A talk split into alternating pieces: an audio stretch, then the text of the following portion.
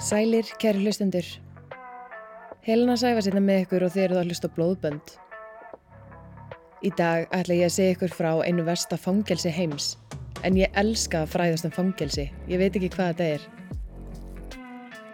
Það sem að fangar þurfa að búa við í þessu fangelsi, sama hvort þeir eiga það skilið eða ekki, er ólýsanleg martröð sem ég langar að deila með ykkur í dag. Þátturinn er í bóði blöss og pentagram en eins og ég tek alltaf fram er að þátturinn er ekki við hæfi badna. Black Dolphin fangelsið.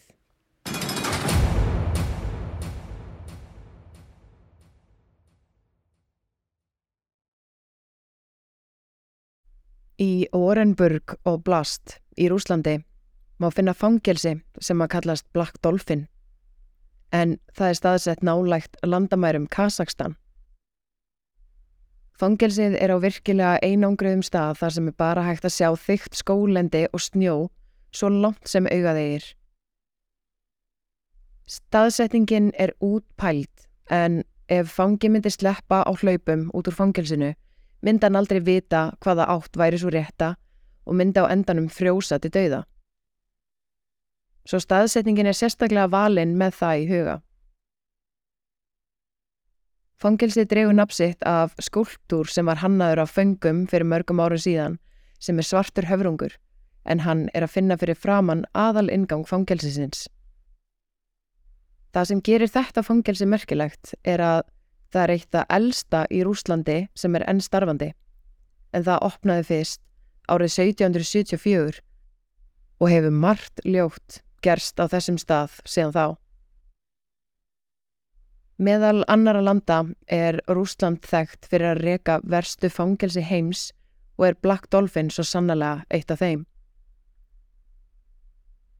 Í nóvember árið 2000 hafa einungis fangar með lífstíðardóma verið sendir í þetta fangelsi.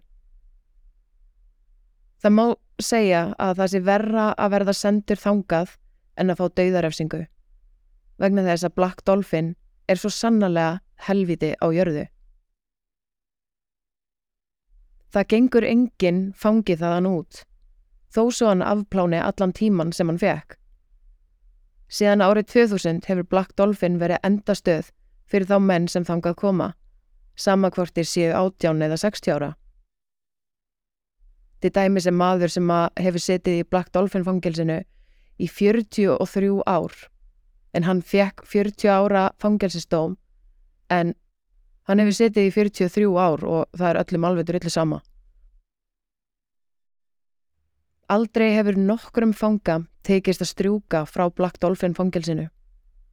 Reglurnar sem eru þar í gildi gera það gjörsamlega ómögulegt. Starfsfólkið í fangelsinu segja að um leið og menn myrða annað fólk og kemur á Black Dolphin hætta þeir að vera fólk í þeirra augum. Þeir eru ekki þessi verðir að komi sér fram við á eins og skeppnur einsunni. Í dag eru um 700 fangar í fangelsinu og er þar að finna raðmörðingja, barnanýðinga, mannætur, hriðiverkamenn og þá allra hættulegustu í öllur Úslandi. Fangarnir hafa samtalsdrepið um það beil 3500 manns sem að sitja inn í fangelsi núna sem er alveg hræðilegt meðaltal en það eru fimm morð á hvert fanga. Ég ætla að segja ykkur frá nokkrum fengum á eftir en reglur fangelsinsins eru strángastar við þá sem sitja inni fyrir allara vestu glæpina. Það telst ekki vera tilgangur að gera þá að betri mönnum eða láta þá horfast í augu við hvað þeir gerðu og láta þá vinna í sér og sínum málum því engin af þeim fær snefil af frelsi aftur Þeir eru allir látnir vinna erfiðisvinnu allan daginn og fá ekki krónu í laun. En þeir sem eru taldir vera ofhættulegir til að vera utan fangelsisrimlana eru geimdir í klefum og búrum allan sólaringin. Fangarnir eru í klefum sem innihalda þrjár stálhurðar og þar sem tveir þannig klefar skipta niður 50 fermetrum sem sagt eru þá 25 fermetrar um mann og neyðast þeir til að hafa hinn aðilan sér við hlið og sitja uppi með viðveru hans, sama hver sá aðili er. Fangarnir fá 90 mínútur á dag til að hreyfa sig en þá eru þeir settir inn á aðeins stærra svæði en klefarnir þeir eru sem er bara eins og búr og þeir með að lappa fram og tilbaka. Það er ekkert verið að lifta lóðum eða kasta á körfu eða hitta hinn á fangana. Nei, nei, það er engin sameinlegur fangelsisgarður eða svæði þar sem þeir hitta aðra fanga. Inn í þessu búri sjá þeir vott af dagspyrtu og fá ferst loft. En á meðan er leitað í klefonu þeirra hátt og látt að smikluðum hlutum eða öðrum hlutum sem þeir gætu á eitthvað hátt hafa náð til sín. Á vetunar getur frosti varað í tveggjast af tölu sem mánuðum skiptir og er starfsfólkið í kraftgölum og vel klætt fyrir það veður en fangarnir eru aðeins í þunnum fangelsis samfestingum og fá ekki teppi einu svoni á nóttunni. Þeir fangar sem vinna, haga sig vel og sitja inni fyrir eitthvað annað en morð, mega ör sjaldan lesa kannski dagblöð eða bækur, kannski þegar starfsfólkið er í góðu skapi. Fangarnir eru undir myndavela eftirliti allan sólarhengin og ljósinn eru alltaf kveikt og við erum að tala um alveg svona skær læknaljós. Reglunar eru meðal annars þær að mega ekki liggja á rúminu frá því að þeir eru vaktir á mótnana á slæginu 6 og þanga til að þeir eiga að fara að sofa. Það eru um það byrj 16 klukkutímar.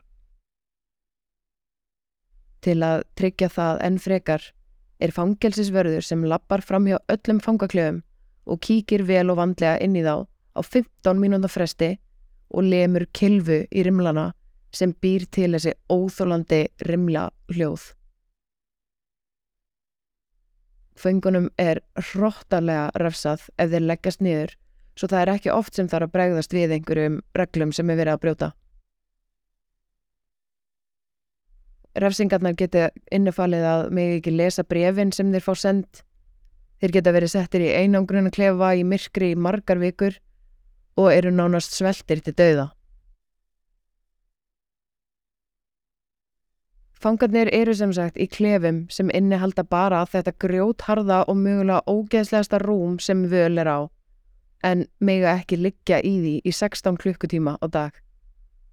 Pælið aðeins í þessu. Væri maður ekki orðin alveg snar á að vera innilokaður allan liðlangan daginn í pínu litlum klefa, kannski með óþólandi gaur við hliðin á sér og megi einu sinni leggjast niður og hvað þá að vera undir stöðugu eftirliti alltaf, hverja sekundu. Og það skiptir yngum máli hvað maður segir eða hversu mikið maður mótmælir. Man er bara sagt að halda kæfti. Önnur regla sem er mjög mikilvæg er að fangarnir verða að svara með já herra þegar þeim er skipað fyrir eða þegar á þá er eirt sem er örsjaldan og þeir eiga alltaf að standa beinir í baki og megi ekki segja eitt orð. Áður en við höldum áfram skulum við heyra örstuðar auðlýsingar frá styrtar aðalum þáttana.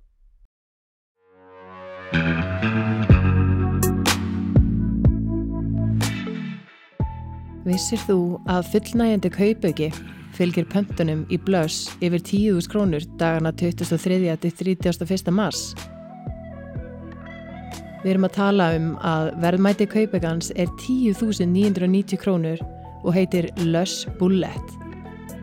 Það er létt og hljóðlátt tæki sem hendar vel í kynlífi eða sjálfsfróðun. Í greiðisliferlinu getur við slegið einn afsláttakóðan blóðbönd og fengið 10% afslátt af pöntuninniðinni út apríl. Ekki láta þetta fram í þær fara og kíktu í Blush á Dalvegi 32B eða blush.is.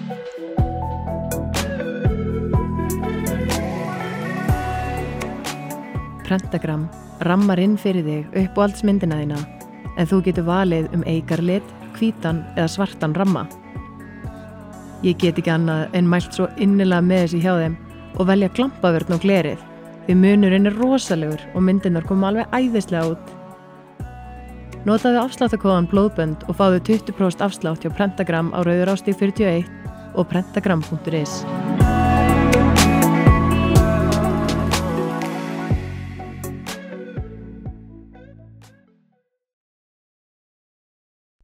Þið kannski velti fyrir ykkur eftir allar þessar upplýsingar sem ég hef sagt ykkur. Hvað ætli sé á matseðlinum á Black Dolphin?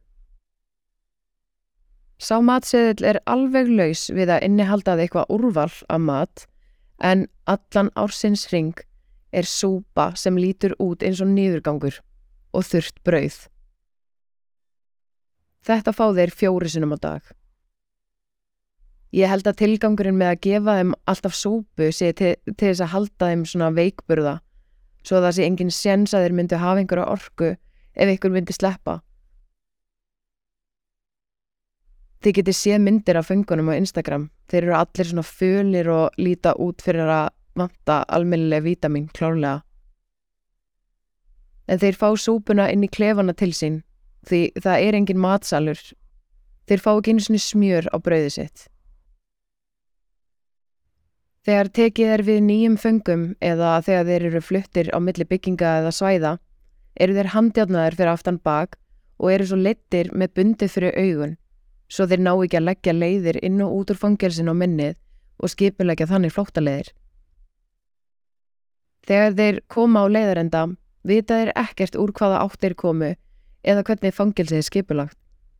Svo ef þeir myndir sleppa, myndir þeir bara hlaupa í allar áttir eins og hausleisar hænur. Þetta er allt saman útpælt.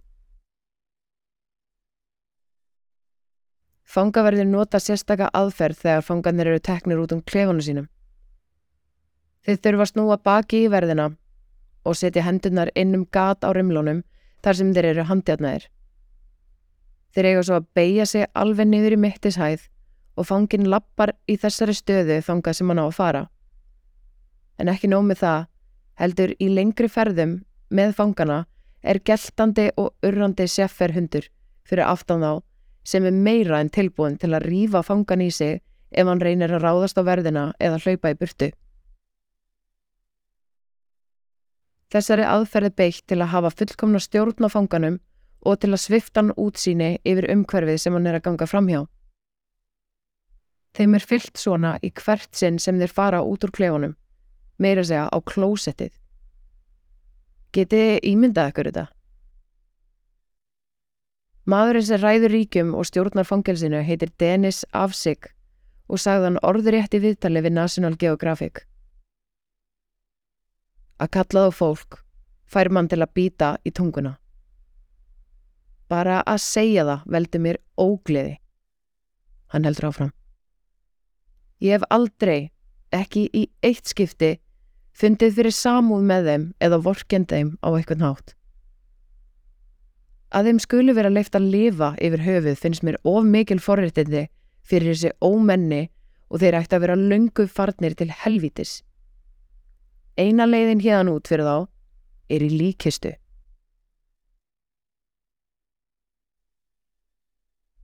Stjórnvöld og mannréttitastofnanir og alls konar svoleiðis hafa reynd að gera tilvunir til að draga úr reglum fangelsisins en án árangurs. Fangaverðunum er öllum svo skýt sama um ykkur réttindi sem þeir eiga að hafa því fyrir þeim eru fangarnir einskisverða róttur og koma bara fram við á þannig. Nikolai Astankov er fangi á Black Dolphin sem afplána lífstegadóm fyrir að hafa myrt heila fjölskyldu og brenna lík þeirra í skói. Hann og klefafélagi hans eru vaktir klukkan 6 á hverju mótni og svo er rent yfir öryggismyndavelarnar til að sjá aðtapnir þeirra yfir nóttina og þeir fá ekki að sitja eða liggja á rúminu sínu næstu 16 klukkutímana. Nikolai segir Það er fylst með þér allan sólarhingin. Það eru ljós og hreyfiskinjarar Auk þess að 15 minúna fresti fer vörður í gegnum klefana svo þú verður stöðugt að vera vakandi. Ef maður er fastur í þeirri hugsun að maður losnar aldrei hérna út, að maður sé bara skilina eftir hérna til að rótna, að þá kemst maður einfallega ekki af.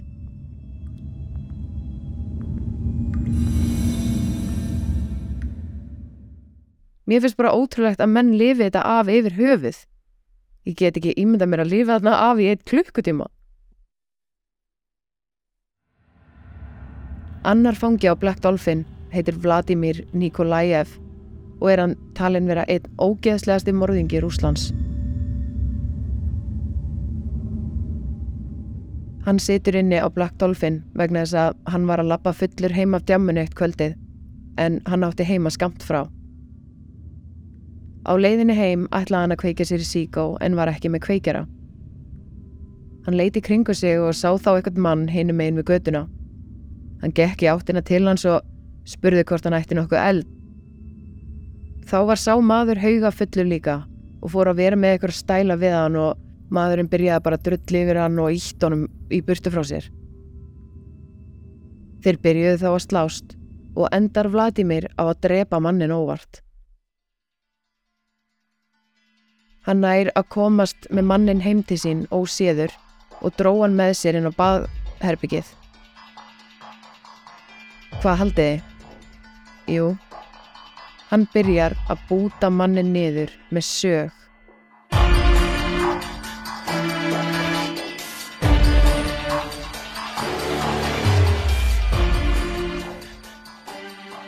Hann skera á hann um höfuðið, handleggina og fætuna.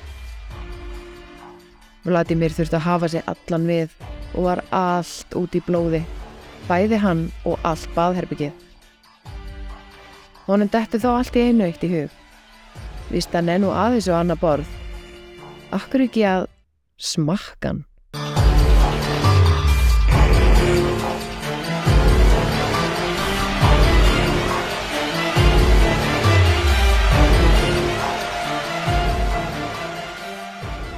Hann skar kjöt af lærinu á manninum, kvikti undir potti og sögð kjötið. Hann smakkaði en fannst það fremur seikt og ekkert rosalega bræðgótt. Svo hann skar annað kjötstykki af manninum og skellti því á pönnu með smjöri og fannst það betra. Hann hættir ekki þarna, heldur sker hann meira kjöt af manninum og ákvaða að vera svona vínalegur innan gæsalappa og láta vinn sinn hafa kjött og sagði að þetta væri kenguru kjött sem hann vildi endilega gefa honum.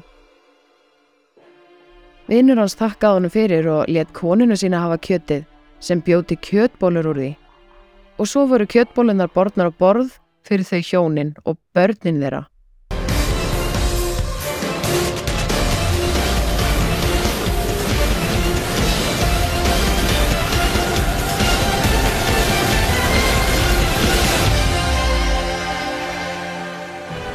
Ég er ekki að grínast í ykkur.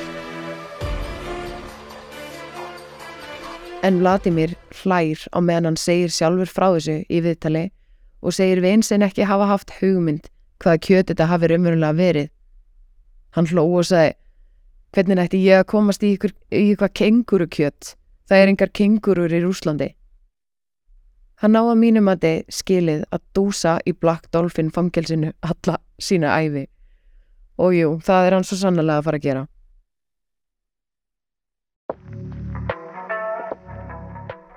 Ég vona að ykkur hafi fundist þessi þáttur áhugaverður. Endilega sendið mér skilabóð ef þið viljið. Ef þið eru með ábendingar um áhugaverð mál eða lumið ég að vil sjálfa á ykkur sögu. Ég er á fullu þessa dagana að undirbúa næsta sísón af Blóðbönd og er með margar spennandi hugmyndir í pottinum. Ég hlakka til að segja ykkur frá því vonandi sem allra fyrst. Annars vil ég þakka ykkur innilega fyrir að hlusta. Ég hveti ykkur til að followa blóðbönd á Instagram og sjá myndir úr málunum og svara spurningum og segja tilkynningar frá mér. En að þetta er næst, góða stundir.